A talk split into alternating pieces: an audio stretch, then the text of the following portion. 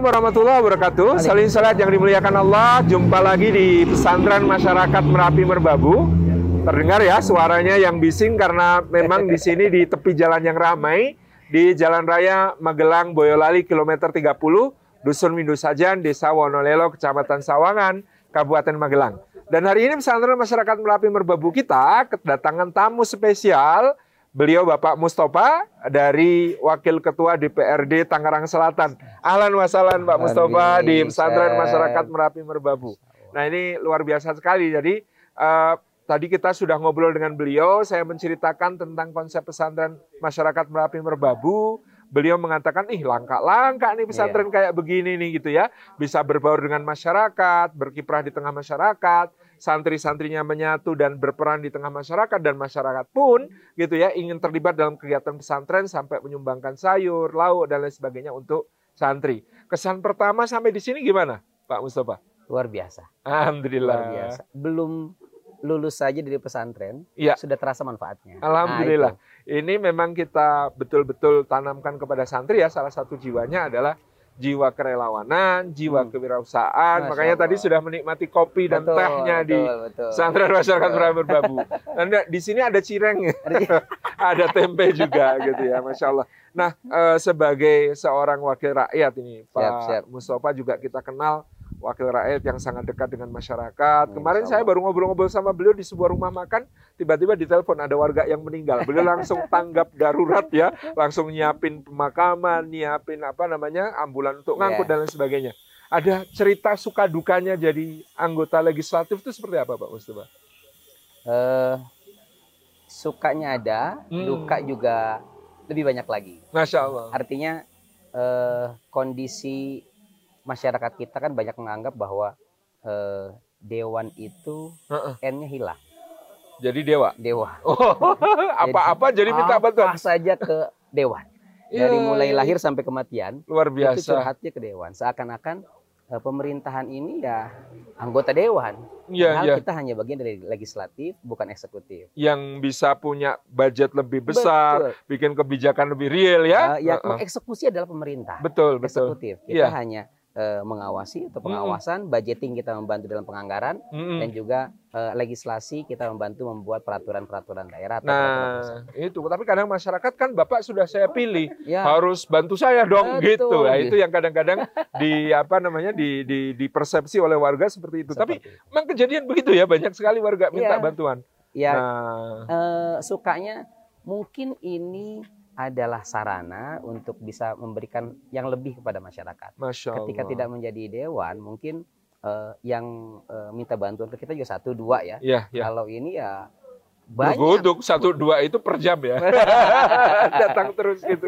Nah ini kan kalau tidak hati-hati ya, ya. Pak Mustafa ya mungkin bagi sebagian kawan-kawan yang tidak ada pengawasan dan kontrol yang bagus, hmm. justru bisa menjadi pintu-pintu korupsi, yeah. korupsi gitu ya, yeah. dicarikan proyek apa hmm. macam-macam gitu. Kalau Pak Mustafa sendiri bisa menjaga itu gimana tipsnya?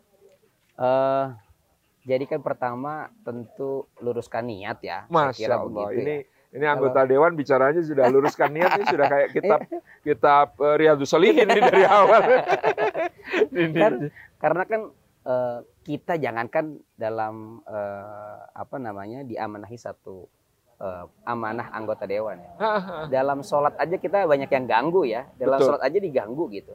Uh, sholat juga banyak yang nggak khusus. Begitu juga dalam pengabdian kepada masyarakat hmm. dalam menjadi anggota dewan itu ya tentu banyak sekali godaannya. Hmm. Tapi saya kira kembali kepada uh, niat kita dari awal dan juga butuhnya uh, teman di situ okay. butuh juga yang mengingatkan maka yeah, uh, yeah, yeah, kita yeah. di dewan ini ya di kita di mohon maaf saya boleh uh, informasikan partai ya boleh partainya kita biar masyarakat juga tahu Betul. mana partai yang Betul. bisa apa namanya berkontribusi untuk masyarakat Betul. berkiprah tetap jujur tidak Betul. korupsi gitu kan jadi di PKS ini kita ada controlling hmm. jadi ada PKS uh, itu dulu namanya PK, PK. Dulu Partai Keadilan. Itu partai tertentu. Betul. Kalau sekarang partai tertentu sejahtera. Setuju. Setuju. Nah, ya gitu-gitu. Iya, iya. Uh, uh. Jadi seperti itu. Ada jadi, mekanisme kontrol? Ada, uh, karena kan ada uh, dulu namanya Dewan Syariah, sekarang namanya Dewan Etik yang juga mengevaluasi kinerja-kinerja kita di parlemen dan juga kinerja-kinerja kita di masyarakat atau pengabdian kepada masyarakat. Luar biasa. Nah, sekarang ini pertanyaan yang biasanya uh, hampir pasti menjadi tanda tanya dengan masyarakat. Kan wajar tuh wajar diwajarkan sih ya. Uh, biasanya orang terpilih jadi anggota legislatif hmm. itu modalnya gede. Hmm, hmm, hmm. Karena kemudian nanti bikin acara, bagi-bagi yeah. ini, bagi-bagi itu dan lain sebagainya sehingga modal politiknya besar. Yeah. Dan itulah yang kemudian menjadikan tadi untuk balik modal hmm. pada korupsi gitu. Yeah, nah, yeah. kalau Pak Mustafa kata saya ikut dapat cerita-cerita gitu katanya oh Pak Mustafa mah nggak pakai modal duit katanya gitu ya nah, ceritanya gimana tuh kok bisa terpilih gitu Ya, kalau eh, kos politik tentu ada. Ya, karena pasti kan ya. kita eh, apa namanya? mensosialisasikan sesuatu kepada iya, masyarakat. Iya, pasti, pasti. Baik itu melalui uh. spanduk, baik itu melalui kaos dan yang lain. Jelas itu masih terukur, terukur gitu lah ya. Betul. Ya. Tapi ya dibilang eh, besar ya enggak juga. Masya Allah. Jadi sekit ya adalah, adalah, adalah. Gitu. Tapi bukan jelas bukan uh, modal gede untuk bagi-bagi amplop nah, bukan. serangan fajar jadi, kan enggak kan jadi modalnya itu kan begini orang tuh ada modal modal materi uang ya bisa ada modal uh, pengabdian kepada masyarakat jaringan lah kira-kira begitu oh karena sudah berkiprah di masyarakat betul, sejak lama betul. punya jejaring nah. ya tinggal jejaringnya yang bergerak betul. gitu ya sehingga masyarakat merasa bahwa uh, Pak Mustafa itu bukan nyalek tapi kita calegkan bersama-sama. Oh, nah, jadi di iya, iya, iya. seakan-akan itu bukan seakan-akan memang seperti itu ya. Hmm. Jadi karena masyarakat berpikir sudahlah nyalek saja. Oh, nah, sebelum jadi jadi alat profesi apa Pak Mustafa? Saya ngajar ngajar TK, ngajar SD, ngajar oh, SLB. Jadi ngajar Jadi kontribusi ngajar nenek-nenek jadi ngajar. Oh, Masya Allah. Jadi dari dari sekolah sampai majelis-majelis ya. Majelis-majelis. Nah, kalau di sekolah tentu ada POMG. ada orang tua murid. Kalau muridnya cerita sama orang tuanya, "Papa, oh, guruku keren, oh. guruku hebat, guruku bagus, namanya Pak Mustafa. Tuh lagi nyalek, Pak. Pilih dong." Jadi juga. Jadi akarnya begini Bu, kalau seandainya nggak pilih saya, anaknya nggak naik kelas. oh, kalau itu sudah intimidasi. itu bercanda. gitu ya. Tapi kalau itu yang majelis-majelis, jadi jejaring juga ya? Iya, eh, alhamdulillah eh, karena bagi masyarakat itu kan eh, apa ya? Eh, ketika seorang yang terus memberikan eh, mengajak kepada kebaikan ya, eh, mereka nggak berpikir eh, bagaimana cara membalasnya. Maaf nih saya agak bingung sedikit ya hmm, hmm, hmm. mengkalimat mengkalimatkan. Maka e, untuk memilih itu bagi di, bagi mereka itu sangat mudah memberikan karena hmm. karena sudah e, terasa memberikan manfaat bagi mereka. Sebelum jadi saja sudah bermanfaat. Sudah, sudah terasa seperti itu. Eh, jadi orang berpikir logis, ini betul. Pak Mustafa ini belum jadi dewan aja sudah lebih dari wakil rakyat. Apalagi kalau jadi dewan, jadi deh nah, manfaatnya lebih besar gitu demikian. harapannya begitu. Maka uh, sampai uh, saya merasa terharu sebetulnya. Hmm, hmm. Jadi di beberapa majelis taklim itu mereka dua pertemuan itu tidak uh, tidak ada taklim. Jadi khusus dua uh, pertemuan itu untuk belajar mencoblos. ya Allah. Jadi sampai belajar. harus belajar mencoblos Betul. supaya tepat ke Ustaz Mustafa ya. Karena kan, Jangan ke yang lain. karena kan sulit tuh. Uh, cuma ada nama saja Dan gitu. anu banyak gitu ya Betul. pilihannya. Dan saya nggak tahu itu. Uh, itu diadakan oleh majelis taklim mereka sendiri. Uh, saya cuma diminta inisiatif mereka. Inisiatif mereka. Luar biasa. Bagaimana usia 60 tahun, usia 50 tahun, eh, ibu-ibu uh, usia segitu kan sudah agak sulit untuk melihat uh, Betul. segala macam dan lain-lain. Uh, itu dikasih simbol-simbol saja sama ketua majelis taklim. Hmm. Ini, ini, ini, ini. Pilih ini, nah, gitu betul. direkomendasikan. Uh, ya. Dan uh, alhamdulillah di setiap majelis-majelis saya, saya tidak pernah kampanye. Luar biasa, karena pernah, kalau kampanye kena delik. Karena delik. dapat dari pengawas ya, Panwaslu kena gitu ya kan? Gak pernah nggak ya. pernah mengajak, tapi Kenapa? mereka juga paham. Uh -uh. Saya kira kalau orang turun ke masyarakat kampanye, sebetulnya masyarakat sudah paham iya. mana yang uh, memang kampanyenya tulus iya. dan mana yang hanya punya pulus kira-kira gitu. Oh, mana yang tulus, mana yang hanya punya pulus. Catat teman-teman insya Allah. Tapi saya punya pengalaman di Jogja agak siap. menarik Ustaz. Siap, siap. Ada seorang kawan ya, kawan ngaji saya dulu, dulu juga. Dia itu uh, manajer program pasca gempa Jogja untuk sebuah lembaga uh, kemanusiaan internasional. Lembaga kemanusiaan Islam internasional. Selama pasca gempa Jogja itu, hmm. dia telah membangun ratusan hunian hmm. dari bantuan lembaga tersebut, plus dia melakukan pemberdayaan ekonomi itu untuk lebih dari 3.000 kepala keluarga. Masya Allah. Kemudian dia oleh partainya Pak Mustafa ini dicalekan. Oh. Dicalekan di situ. Kan wah, sudah harapan besar nih bagi semua Ah. orang ini nanti terpilih karena ya dia mengakar lah di tengah Ah. masyarakat, kiprahnya jelas, perannya Betul, jelas selama ini.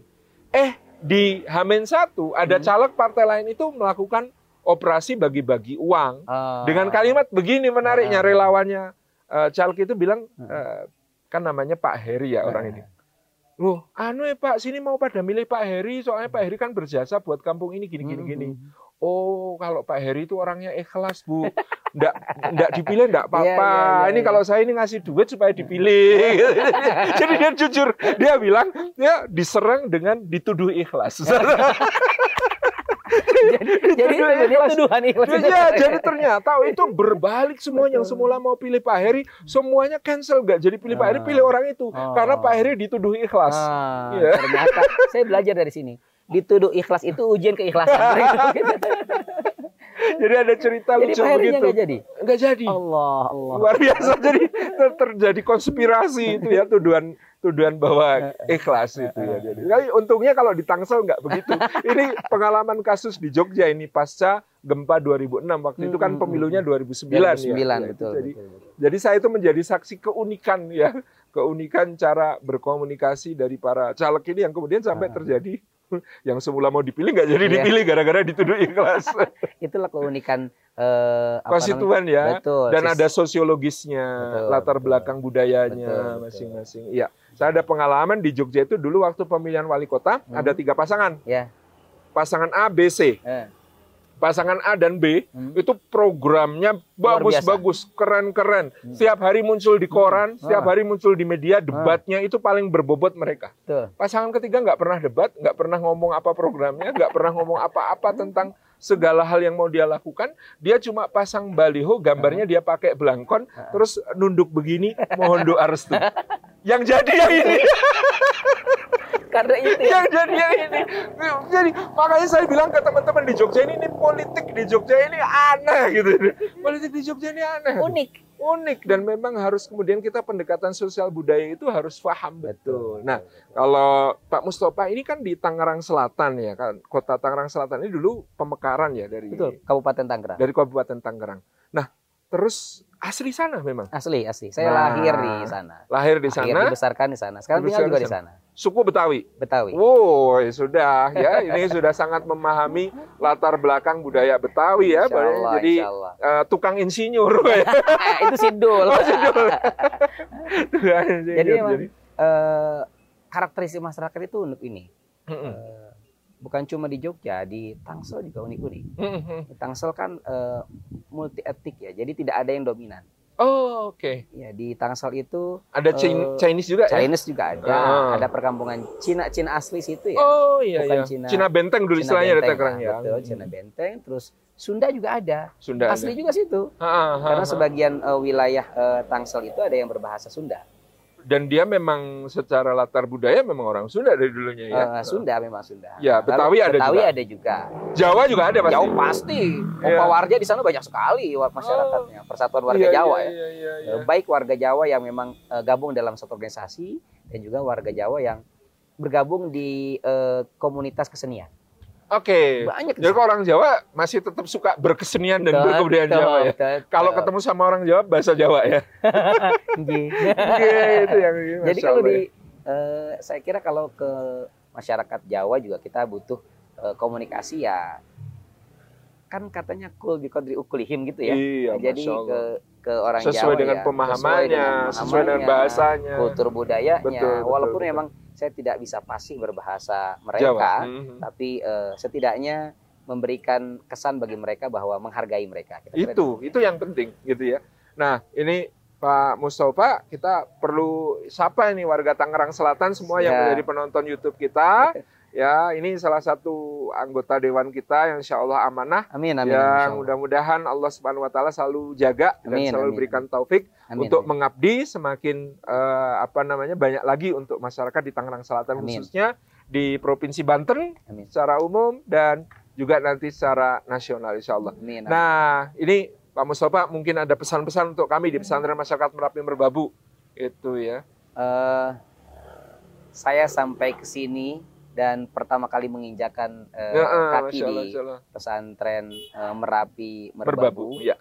nuansanya sudah uh, apa ya nyaman sekali. Ya. Alhamdulillah, alhamdulillah. Nuansanya uh, enak, nyaman dan juga uh, nuansa berkiprah kepada masyarakat ini sudah ada. Itu itu yang kita selalu tumbuhkan Jadi, dan hidupkan. Saya sampai ke sini tertera jelas ya. di apa namanya belakang kita ya. Di belakang ini ada lima jiwa pesantren masyarakat Merapi berbabu. Al-Quran menjadi jiwa hidupnya, ah. dakwah menjadi jiwa perjuangannya, ah. masyarakat, masyarakat menjadi, menjadi jiwa, pengabdian. jiwa pengabdiannya, wirausaha menjadi jiwa betul, kemandiriannya, betul. relawan menjadi jiwa nah, kesetia kawanannya. Salah satu yang membuat saya bergetar gitu ya, hmm. masyarakat menjadi jiwa pengabdiannya, luar biasa, hmm. masya Allah. Jadi kalau seandainya uh, orang yang terbaik adalah orang yang bermanfaat bagi masyarakat, hmm. bagi orang lain, kira-kira ya. begitu, maka uh, tergambar dalam satu jiwa santri di sini. Allah, masyarakat menjadi jiwa pengabdian. Ini mobil mobil kita ada dua Masya mobil Allah. operasional dakwah. Bentuknya L300, oh. L yang serbaguna. Oh. Itu kita tulisin Migunani Tumraping Lian. Artinya, artinya bermanfaat bagi orang lain. Masya Allah. Itu apa spirit santrinya di luar sini. Biasa, luar biasa. Sekali lagi kita mengucapkan terima kasih ya, Mustafa berkenan sama, hadir sama, di Santren Masyarakat Melayu Prabu. Jajak kelahiran kita doakan amin. beliau di Tangerang Selatan selalu bisa mengabdi dan memperbesar amin, amin, amin. pengabdiannya kontribusinya amin. untuk masyarakat di Tangerang amin. Selatan. Salam jumpa kembali insya Allah di Salim Afila uh, official channel menjelajah budaya meneguhkan makna. Kapan-kapan kita tapping dengan beliau di Tangerang Selatan. Siap, siap. Kita lihat latar budaya di metropolitan Tangerang Selatan. Terima kasih. Uh, mudah-mudahan bermanfaat. Kami pamit dulu. Wassalamualaikum warahmatullahi wabarakatuh.